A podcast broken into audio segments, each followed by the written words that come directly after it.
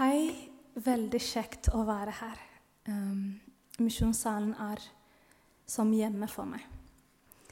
Og jeg ser mange kjente fjes, og kanskje ikke kjente fjes, men dere er mine søstre og brødre i Herren. Jeg heter da Maria Shirane.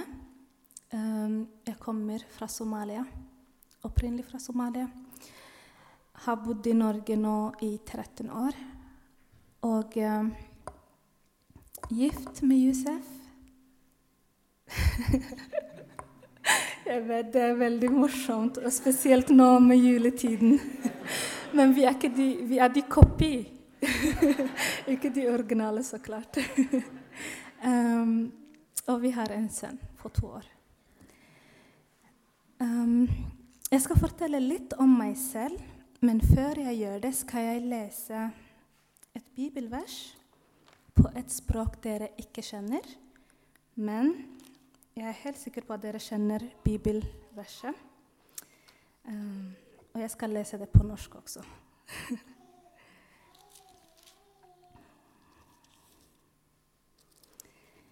يوحنا سدح طبنية سدح إلهي ilaah intuu dunida jacayl u qabay ayuu siiyey wiilkiisa keliya oo dhashay in mid kastoo isaga rumaysta uusan lumin laakiinse uu lahaado nolosha weligeeda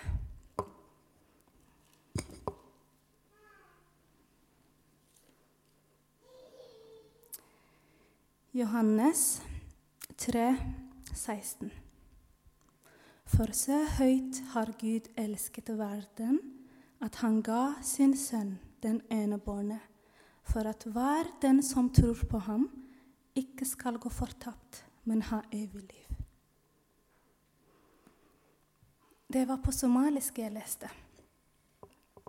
Um, jeg ble født i Somalia, um, ikke så langt fra Mogadishu, 1988, til en familie som, som kjente Jesus. Min far og mor. Når jeg var to og et halvt år um, Dere har hørt min historie, men jeg skal bare gjenta igjen i tilfelle noen ikke har hørt. Uh, når jeg var to og et halvt år, ble min far drept for sin kristne tro.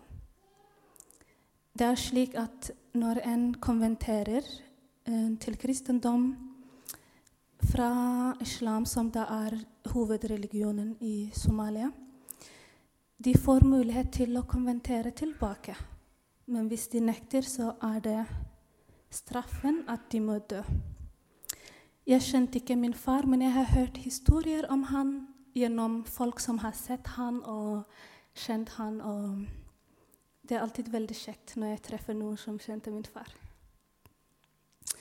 Han het Mohammed. Når jeg kom til Norge, var jeg en kristen, men jeg var en hemmelig kristen. Jeg tok valget selv uh, når jeg var 13 år, å tro på Jesus.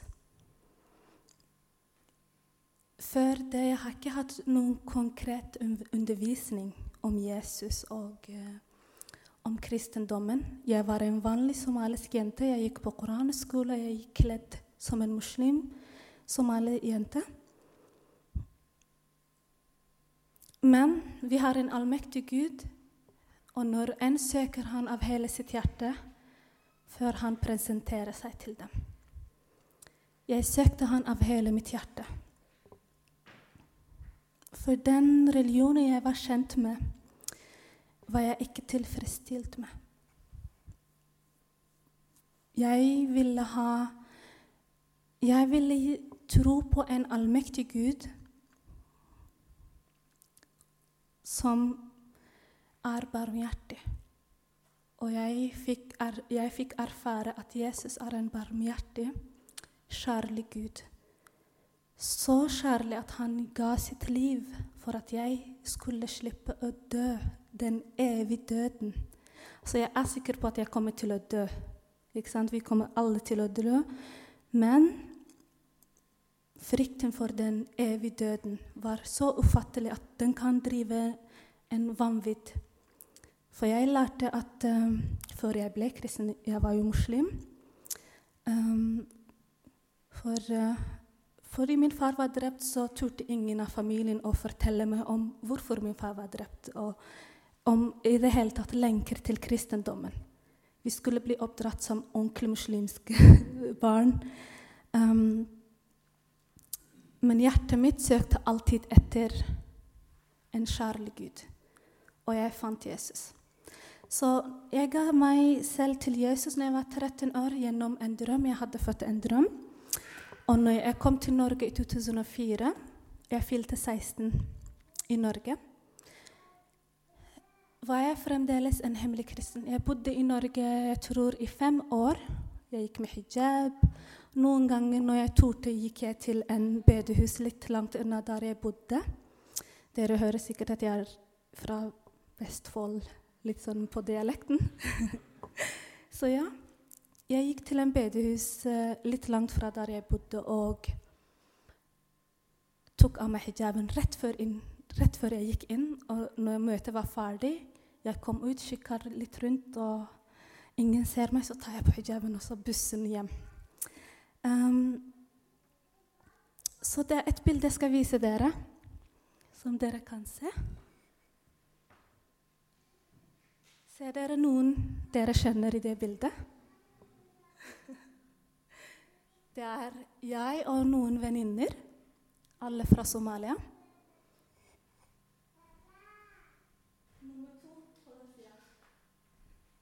Det er meg. Hadde dere kjent meg igjen? Jeg var kristen.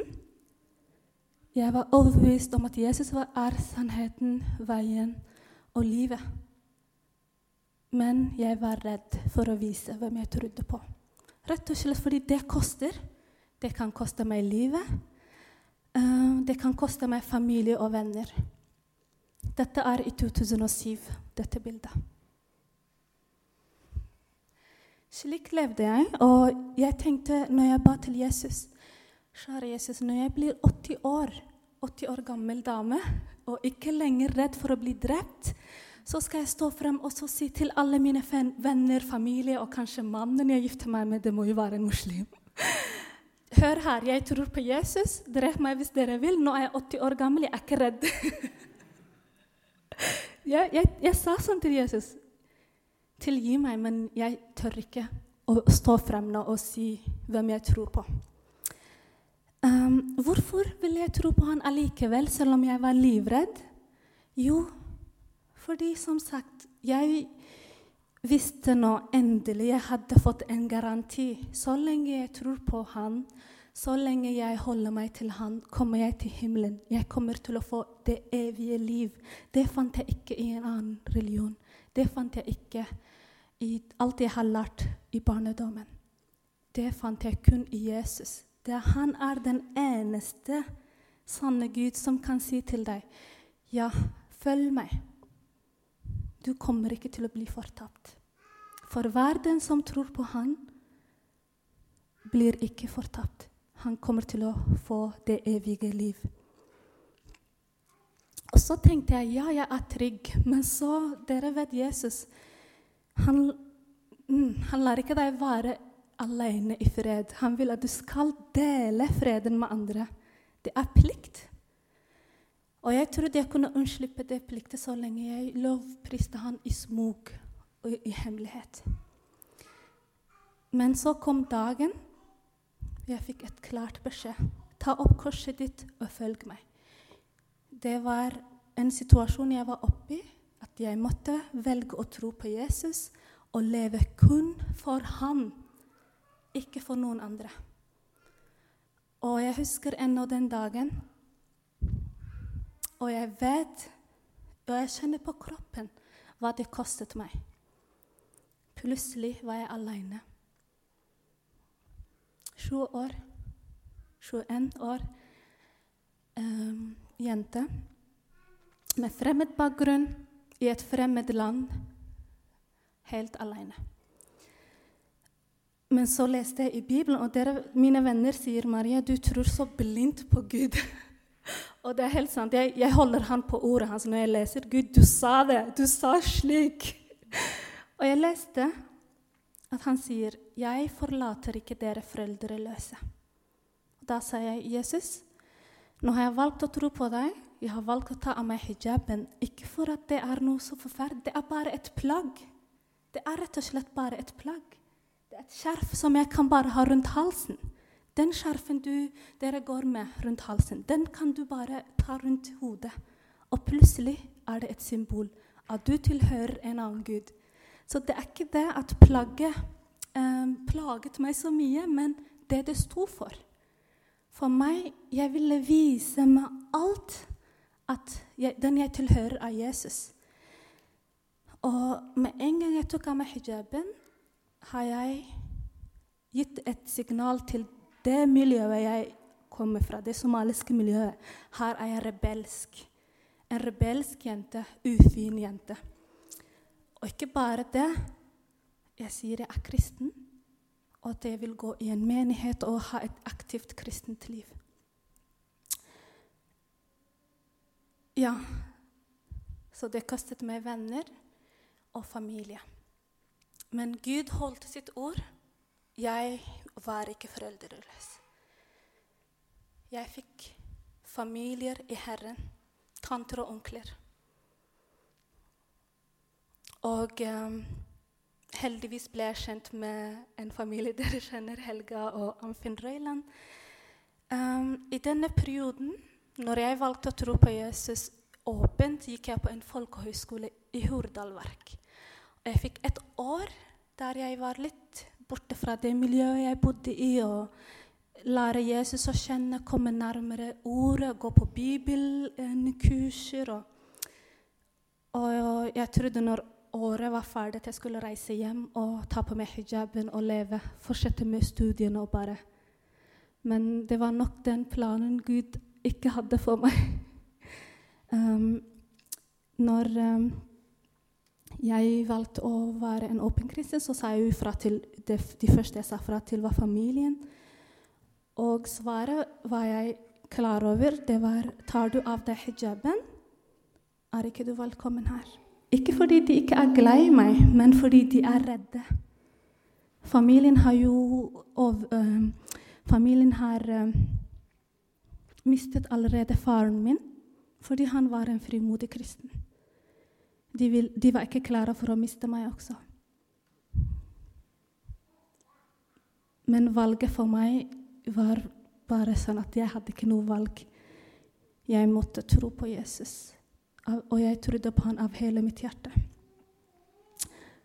Så, kjære søstre, mm, jeg kom til Stavanger og ble kjent med IKF. Og jeg fikk en familie som kunne dempe på savnet når jeg plutselig savner å snakke somali og, eh, og sånt. Og fellesskapet. Men husk, jeg var den jenta. Grunnen til at jeg viste dere det bildet, er fordi nå har jeg fått en trang for å dele om Jesus. Og dele det til de folka jeg var redd. Jeg var redd å, å liksom snakke med dem, og at de skal vite at jeg er kristen. Men det er noe som skjer i det somaliske miljøet rundt omkring verden. Jeg har blitt kjent med mange somaliere som er kristne. Vi har en konferanse en gang i året der folk møtes og eh, deler Jesus. Og folk har blitt så frimodige. De, de er på YouTube, de er på Facebook. De tør å stå frem. Så nå er vi et nettverk som vil dele med, med, med andre. Og jeg tror Grunnen til det er at mange vet hva det vil si å ikke ha Jesus. For meg, det å ikke ha Jesus betydde ingen grunn for å leve. Jeg fortalte dere om at jeg hadde en drøm. Den drømmen kom en gang jeg satt Jeg var 13 år, og jeg var et punkt i livet mitt at jeg ikke orket å leve mer. pga. av familievanskeligheter og mye ja, vanskelige ting som skjedde i livet mitt da. Og jeg visste ikke at jeg hadde en Gud jeg kunne be til, enn Allah. Så jeg ba til han, og så fikk jeg drøm. Og det var Jesus som jeg så i drømmen. Jesus for meg betyr grunn for å leve. Mening med livet, mening med smerten og mening med gleden. Og størst av alt er håpet. Håpet for det evige liv. Og Derfor kan jeg ikke bare sitte alene og tenke «Åh, jeg skal ha dette for meg selv. Jeg blir nødt for å dele. For det er mange som søker. Og mens jeg gikk med hijaben, hvis jeg så noen som hadde på seg kors Og det korset har jo blitt sånn, sånn uh, hipp. Mange bruker det selv om de ikke er kristne. Men det var et blikk jeg så igjen og, og tenkte å ja, de tror på Jesus. Fantastisk. Og så bare smile til dem, og de kan tenke hvorfor smiler hun? Men det er det blikket Jeg husker det, at jeg har sett det blikket også i, med, i folk når jeg var i Afrika. Det var kristne.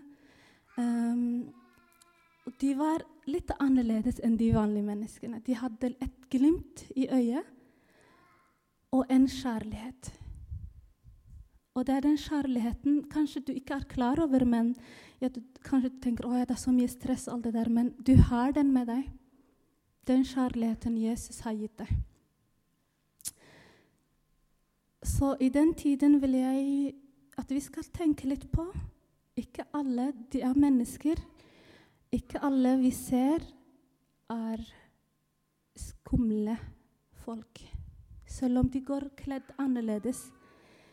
De er mennesker som har spørsmål, som har uh, grublerier og setter pris på at vi kan se på dem gjennom hijaben. Ja, forbi den fasaden og forbi det media har lært oss om dem. Og jeg sier ikke at frykten ikke er, er, har kommet uten grunn. Nei, da lyver jeg fordi min far ble jo drept av muslimer, ja. Av hans slekt. Men det er ikke alle som er sånn. Det er godt i alle mennesker, og det er kjærlighet i alle mennesker. Og stort sett alle vil leve i fred, tenker jeg. Så la oss komme med noe alternativ. Når de har lært å frykte, la oss vise dem hva fred betyr. For de har kommet nå til her. De har kommet, Våre søstre og brødre over hele verden kommer til land der det er fred. De fleste frykter fra alt det vi frykter, som media viser oss. Ekstremisme. De flykter fra det. Så la oss velkomme dem og vise dem hva kjærlighet er, og gi dem et eksempel på hvem Jesus er. La oss kunne ta oss tid til å se forbi fasaden og alt det som er skummelt. Og jeg sier um, Det er en ting jeg og mannen min, Josef, sier er noen ganger du, Ikke stol på den personen, for han, han har fått en, en, gave. Han har tålmodighet til å snakke med folk. og eh, Velkommen når vi hører om en ny kristen somalier i Norge. Så får vi telefonnummer. Han er den første som ringer. Og så sier du, jeg er en kristen somalier som bor i Stavanger. og i starten jeg var litt sånn øh, 'Skal du si hvor du bor?' Han bare «Ah, 'Vi er på YouTube, Maria.' ja, men allikevel. så han har litt mer sånn frimodighet. Og så sier han du, jeg, 'Det er ikke det at jeg stoler på dem, men jeg stoler på Gud, Maria.' Så stol på Gud. Så vi skal få en bror på besøk nå snart som skal feire jul hos, med oss i lag hos Helga Amfinn, en ny kristen. Så ja, vi skal stole på Gud mer enn vi stoler på oss selv og på hverandre. Vi skal stole på hverandre, ja, men la oss ha vår tillit til Gud. Og det, Den som har lært meg dette, mannen min, han ble banket opp flere ganger i Sandnes for sin kristne tro. Allikevel så sier han Maria, la oss stole på Gud, og velkommen de nye våre søstre og brødre. Og jeg er helt enig med han. Så la oss ha tillit til Gud og være eksempler for Jesus. Takk for at dere hørte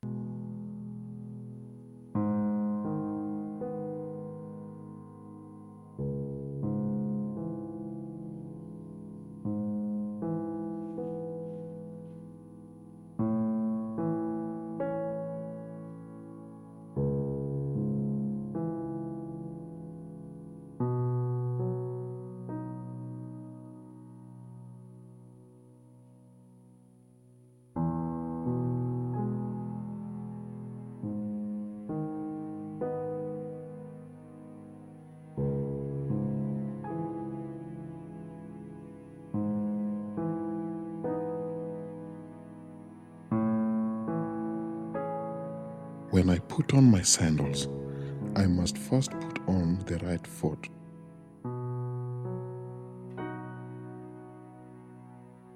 When I enter the mosque, I must enter first with the right foot.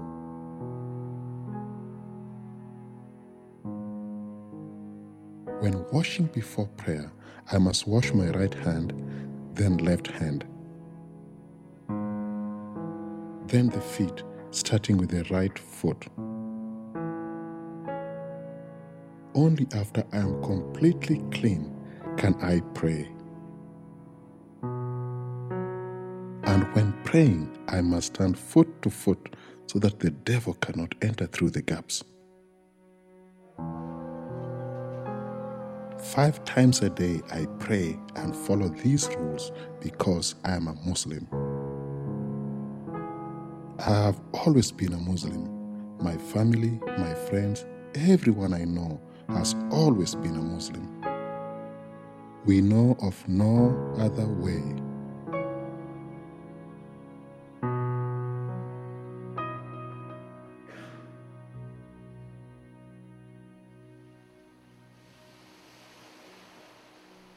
I live beside the ocean. I am a fisherman. I rise early every morning with a call to prayer and go out on my boat. I love the ocean. It brings me peace and it helps provide for my wives and my children.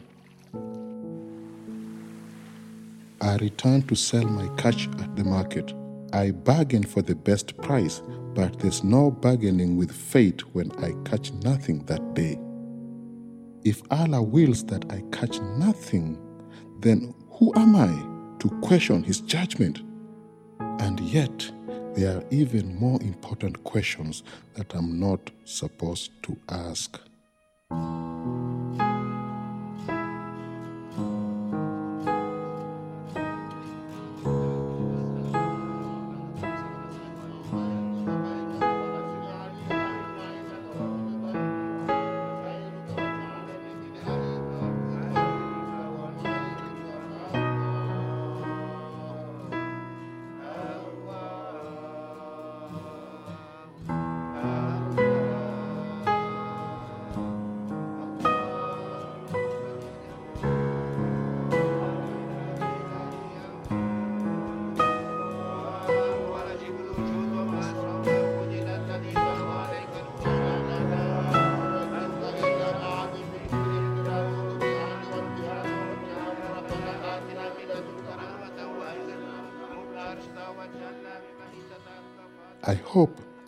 Muslim, for someday I will be judged by Allah.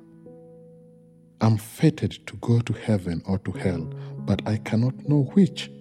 It is a terrible thing not to know if my life of following the rules of Islam will be good enough. I try hard. I say the Shahada. I do the prayers. I give to the poor.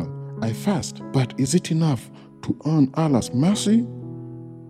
I cannot know until it is too late.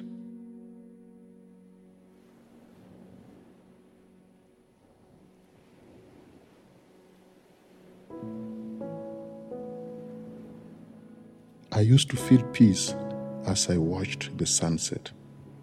But now, at the end of the day, as the shadows grow, so does my uncertainty.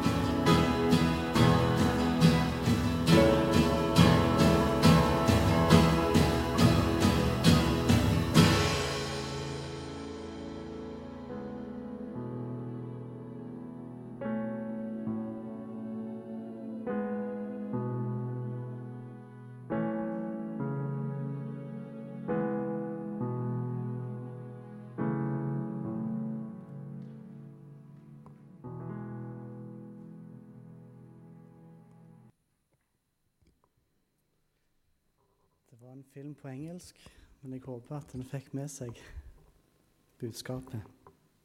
Tusen takk, Maria. Det er sterkt å høre på deg.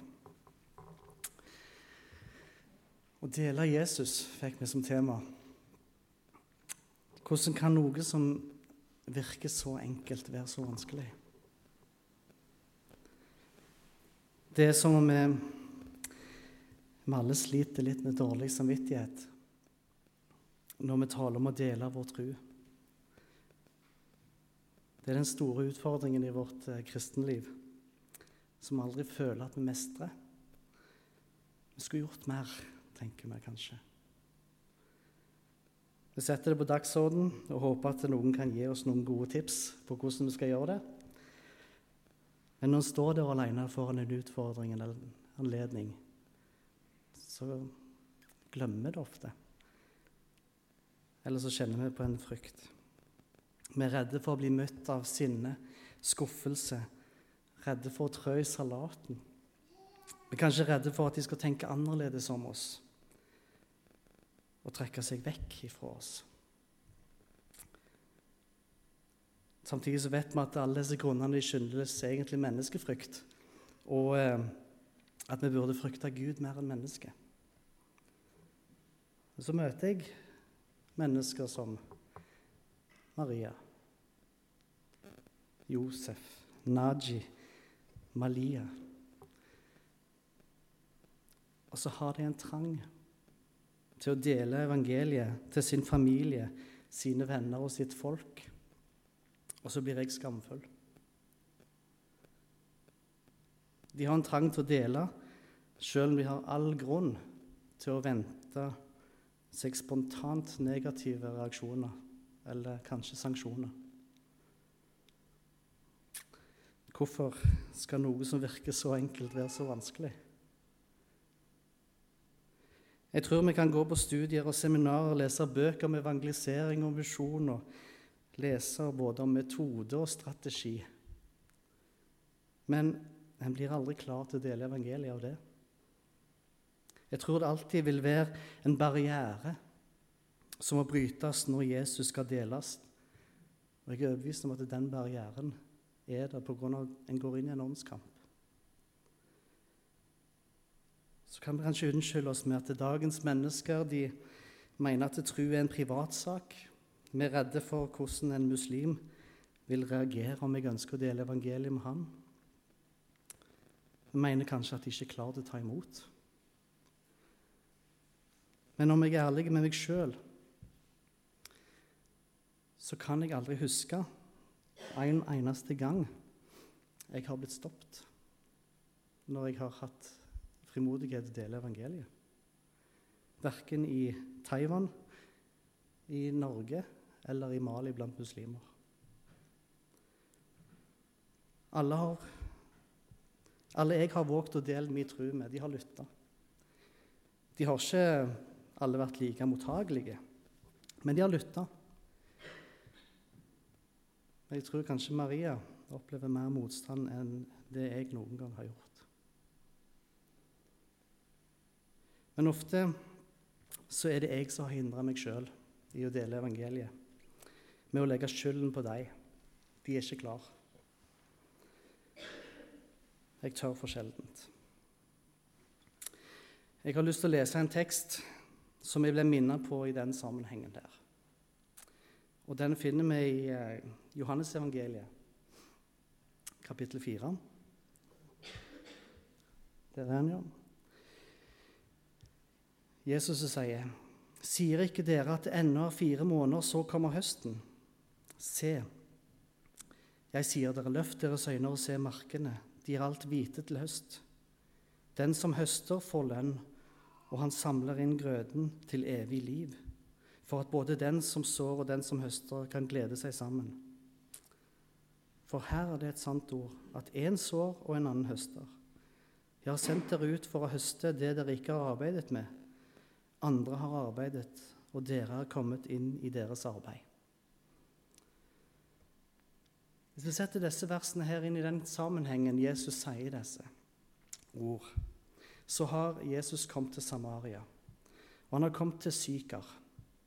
Han har møtt eh, Eller disiplene de har eh, gått inn i byen og henta noe mat, og de har kommet tilbake igjen. Mens Jesus har hatt en samtale med ei kvinne, ei samaritansk kvinne med brønnen.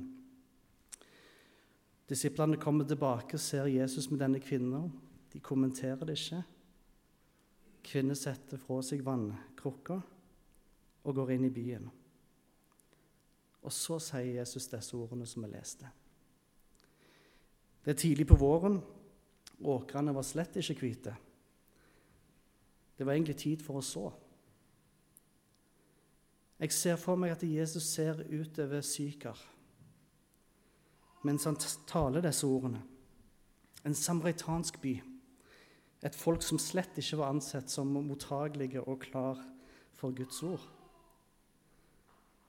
Samaritanene var som kjent ikke godt likt av jødene. De hadde tatt jødene sine skrifter, og de hadde tilpassa dem sin egen kultur og sin egen kontekst og tradisjon, og de hadde fordreid Den hellige skrift. De hadde lagd sine egne pilegrimsplasser og skapt en egen religion.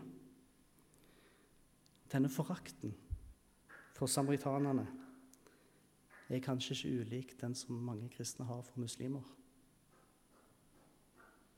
som har tatt Den hellige skrift og fordreid den. Disse var modne for å ta imot evangeliet. Jeg ser for meg at mens Jesus ser utover syker og sier disse ordene, så, så kan disiplene skimte en folkestrøm som kommer ifra byen. En folkestrøm som kommer opp for å se Jesus. Det er såtid og høst på samme tid. Sier litt på spøk at tolv disipler, eller tolv apostler gikk inn i byen og kom tilbake med en lunsj. Men ei kvinne gikk inn og tok med seg hele byen. Så dere får huske den 8. mars. Grunnen til at de ville se Jesus, var vitnesbyrdet til denne kvinna. Han har sagt meg alt jeg har gjort. Nå tror vi ikke han er verdens frelser. Kvinnen møtte en som satte henne fri ifra syndens skam. Han kjente, at han kjente henne, var ikke et hinder. Han ville gi henne livets vann på tross av at han kjente alle hennes hemmeligheter. Kvinnen opplevde nåde, og møtet med Jesus hadde forvandla henne. Hvordan hadde dette møtet vært? Jesus hadde oppsøkt kontakt med henne. Gi meg vann. Jesus hadde ønska å tilby henne noe som hun helt, nok ikke helt forsto. Det levende vann. Men hun ville ta imot det vannet. Jesus hadde utfordra henne når han viser at han kjenner henne inn og ut. Når han spør om at hun kan hente sin mann. Og Når denne utfordringen blir for nær og for sår for kvinner, så prøver hun å ta på seg ei religiøs maske og konfrontere Jesus med noen kontroversielle teologiske spørsmål. Ikke ulikt et møte med en muslim. Men Jesus respekterer det og møter de spørsmålene. Kvinnen blir tatt på alvor, hun blir sett, og så åpenbarer Jesus seg for henne. Og hun tror. Jeg blir ikke helt ferdig med den, dette møtet. Det er et veldig nært, det er et veldig vakkert eh, møte. Samtidig så ligger det en sånn spenning gjennom hele dialogen.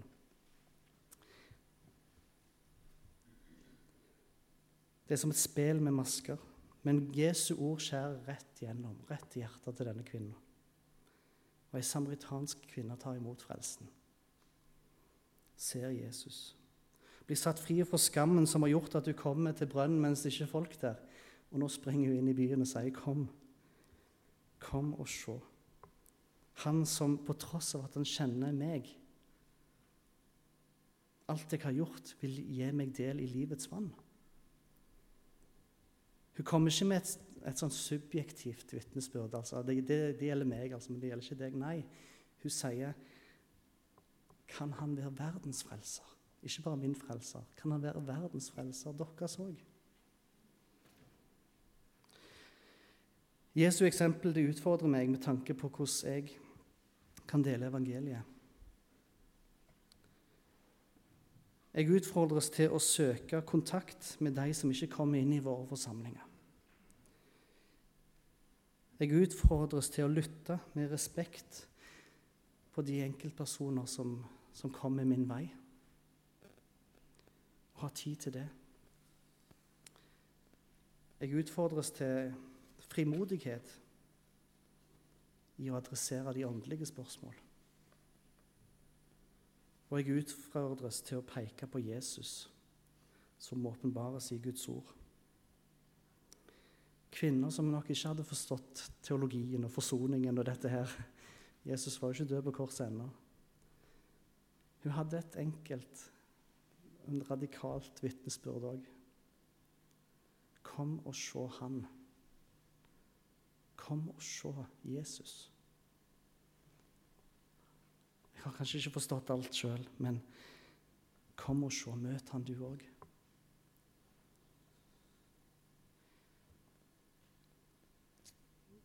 Her i Sandnes så fins det en stor befolkningsandel som kan representeres med samaritanerne. Vi vet at Jesus var glad i samaritanerne. Han brukte det til og med som eksempel for en samaritansk mann som eksempel, et forbilde for oss. Og vi får muligheten og anledning til å komme i kontakt med disse fremmede i vårt samfunn? Blir det sånn som disiplene som, som gikk inn og hadde et uh, businessforhold? Eller tør vi å følge Jesu eksempel? Vi føler nok alle at vi ikke er akkurat gode på det med evangelisering. Vi kan be om vekkelse, men håpe at noen andre deler evangeliet med våre bekjente våre kolleger og venner og kanskje til og med familie. Jeg tror vekkelsen fikk vokse når mennesker fikk møte, som fikk et møte med Jesus, delte det i sine nettverk, med sine venner, med sin familie, i sine relasjoner. På den måten så fikk evangeliet nå ut i stuene, stovene, rundt i lokalmiljøet utenfor forsamlingslokaler. Derfor er det viktig at vi deler med våre egne blant de vi identifiseres med. De beste evangelistene er oftest mennesker som regnes som en av oss.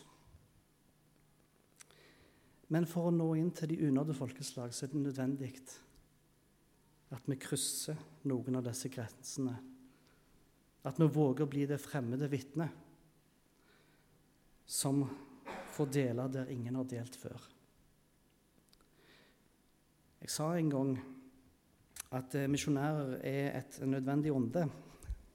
Jeg sa det i en misjonsvideo, jeg fikk mye tyn for det etterpå. Um, men jeg tror at jeg mener det ennå. Det er et onde fordi Det aller beste er om malinkeerne kunne dele evangeliet med malinkeer. At somalere kunne dele evangeliet med somalere. Det er enklere når språk og kultur deles, er felles. Da kommer budskapet så mye tydeligere fram.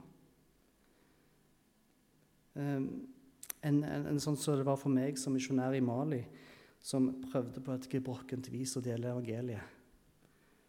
Budskapet ble liksom så Ifra min munn så ble det så barnslig, så simpelt. Jeg hadde ikke nok språk. Men samtidig så er det nødvendig.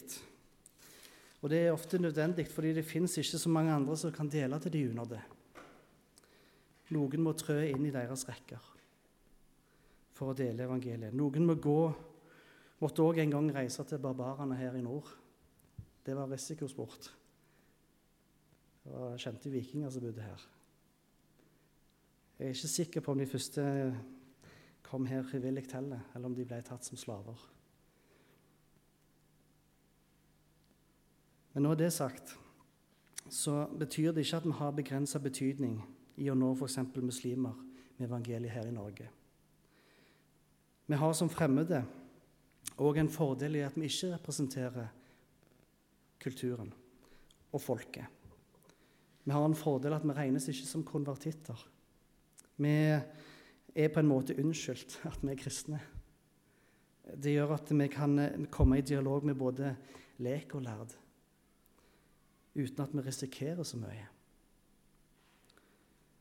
Vi har betydning på andre måter òg. Jeg opplevde det at en kunne være med å dempe lokal forfølgelse med å bygge, bygge, relasjoner med muslimer lokalt. Det at jeg ble godt kjent med en imam i, i, Mali, at han hadde omgang med meg, det gjorde noe. Han kunne ikke gå på moskeen på fredagen og si de kristne er dårlige folk. Ja, Men du, du er jo sammen med misjonæren, ville de sagt. Vi som fremmede her i Norge kan òg være en trygg havn for konvertitter. Når noen forlater islam og blir kristen, så tar det tid før en tør, før en er trygg på å møte andre fra samme land. Med samme bakgrunn. Jeg har vært i kontakt med konvertitter som ikke ønsker å møte andre arabisktalende. De vil heller søke det norske kristne fellesskapet, for der føler de seg trygge. De vet hvilke konsekvenser deres valg har for deres liv, som vi òg fikk høre litt om. Og Vi respekterer det. Vi kan ikke pushe, vi kan ikke presse og tvinge noen til en åpen bekjennelse. Vi kan ikke tvinge noen til å komme med oss på møtene. Det gjorde heller ikke Jesus. Jeg tror Jesus aksepterte at Nikodemus var en hemmelig Jesu disippel.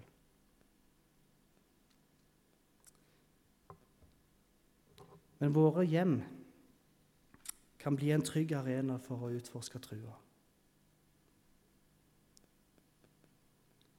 Denne arenaen er mye mer effektiv her i Norge enn han, er i, eh, i hvert fall i Mali. Jeg vil tro i Somalia òg.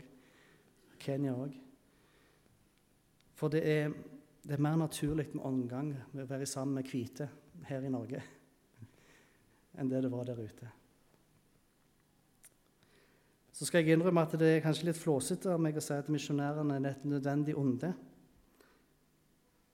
Selv om vi føler at vi ikke kan helt strekke til, så har vi en viktig oppgave når det kommer til å dele evangeliet med mennesker fra andre land her i Norge.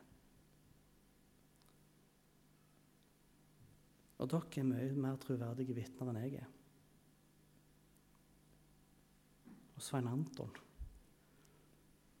og andre profesjonelle kristne. Vi mister troverdighet fordi det er jobben vår å dele evangeliet. Om dere deler evangeliet, så har dere ingen annen agenda. Det er ikke jobben deres.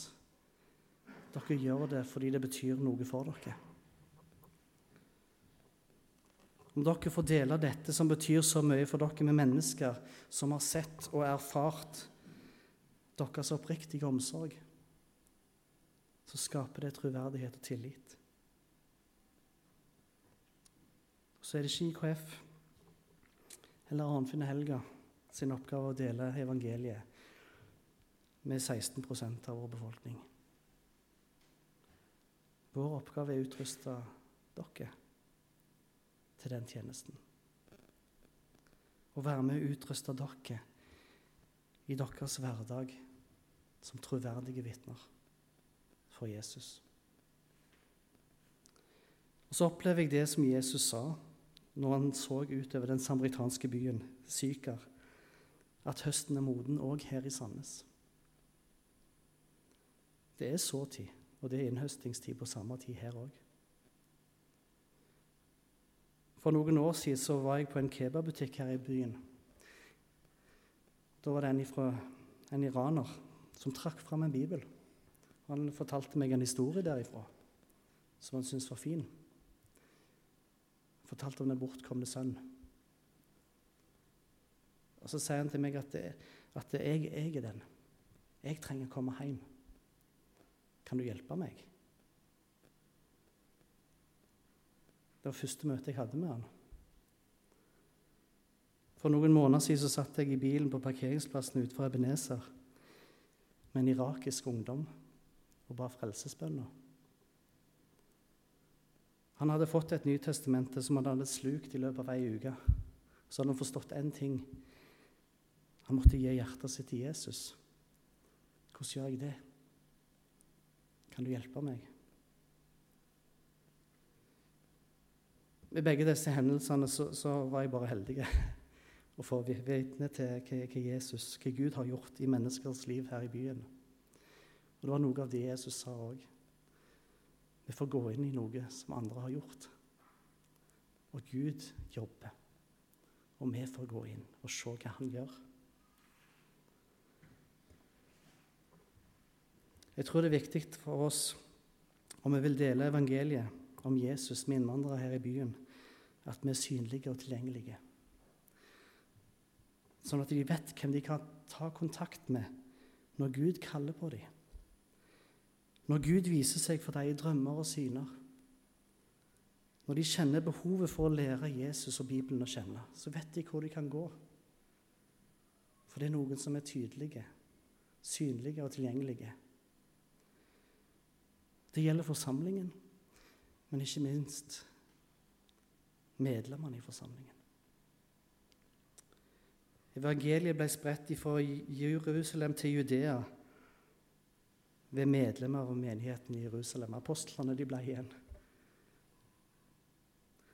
Så håper jeg ikke at dere sitter igjen med en sånn déjà vu-opplevelse av at ja, vi burde gjøre mer. Det er ikke det jeg har lyst til å formidle. Jeg håper dere kan ha tiltro til det dere har fått, til det dere er. Dere er lys. Dere er salt. Folk ser, sånn som Maria sier. Og så går dere ikke med egne ord og tanker. Dere får gå med Guds ord. Vi får dele med glede, og det er sannhet vi får lov til å dele og gå med. Mennesker som tar imot, de får oppleve å bli satt fri. De får kjenne en fred som de aldri har opplevd, og de får et håp som bærer dem gjennom alt det de måtte møte av motgang og de får en del i et liv som varer inn i evigheten. Og det er verdt å dele. Ei 18 år gammel syrisk jente som nå går på dåpsopplæring i Stavanger. Hun fikk spørsmål om hun vet hva hun utsetter seg for nå når hun skal la seg døpe. Når min frelser døde for meg, hvorfor skulle ikke jeg kunne dø for han, svarer hun. Sterke ord. Hun vet hva det betyr. Mora har hatt lyst til å drepe henne òg. Hun vet hva det dreier seg om. Jeg trenger å bli smitta av denne hengivelsen. Å ha Jesus som herre i livet. At jeg kan få se med hans blikk og få del i hans hjerteslag. Det setter alltid rett perspektiv. Sånn som vitnesbyrdet til både Maria og denne syriske jenta formidler til oss. Det er noe som er viktigere enn alt. Så la oss våge å gi vårt liv til Jesus og gå på hans ord. Skal vi be. Kjære far, takk for alt som vi har fått. La, meg få se, la oss få se din frelse, hva han er for noe. Gi oss dine øyne, så vi kan se de som du har kalt, kanskje bak hijaben. Gi oss tid til å lytte og bli kjent. Gi oss visdom til å utfordre til rett tid. Og gi oss mot til å peke på, på Jesus. Led oss òg i jula til møte med enkeltpersoner som lengter etter å bli satt fri. Takk for friheten som vi har her til å dele ditt ord. Vern om våre søsken som deler sin tro under andre forhold. La ditt rike komme og utbre seg i Sandnes og i verden. Amen.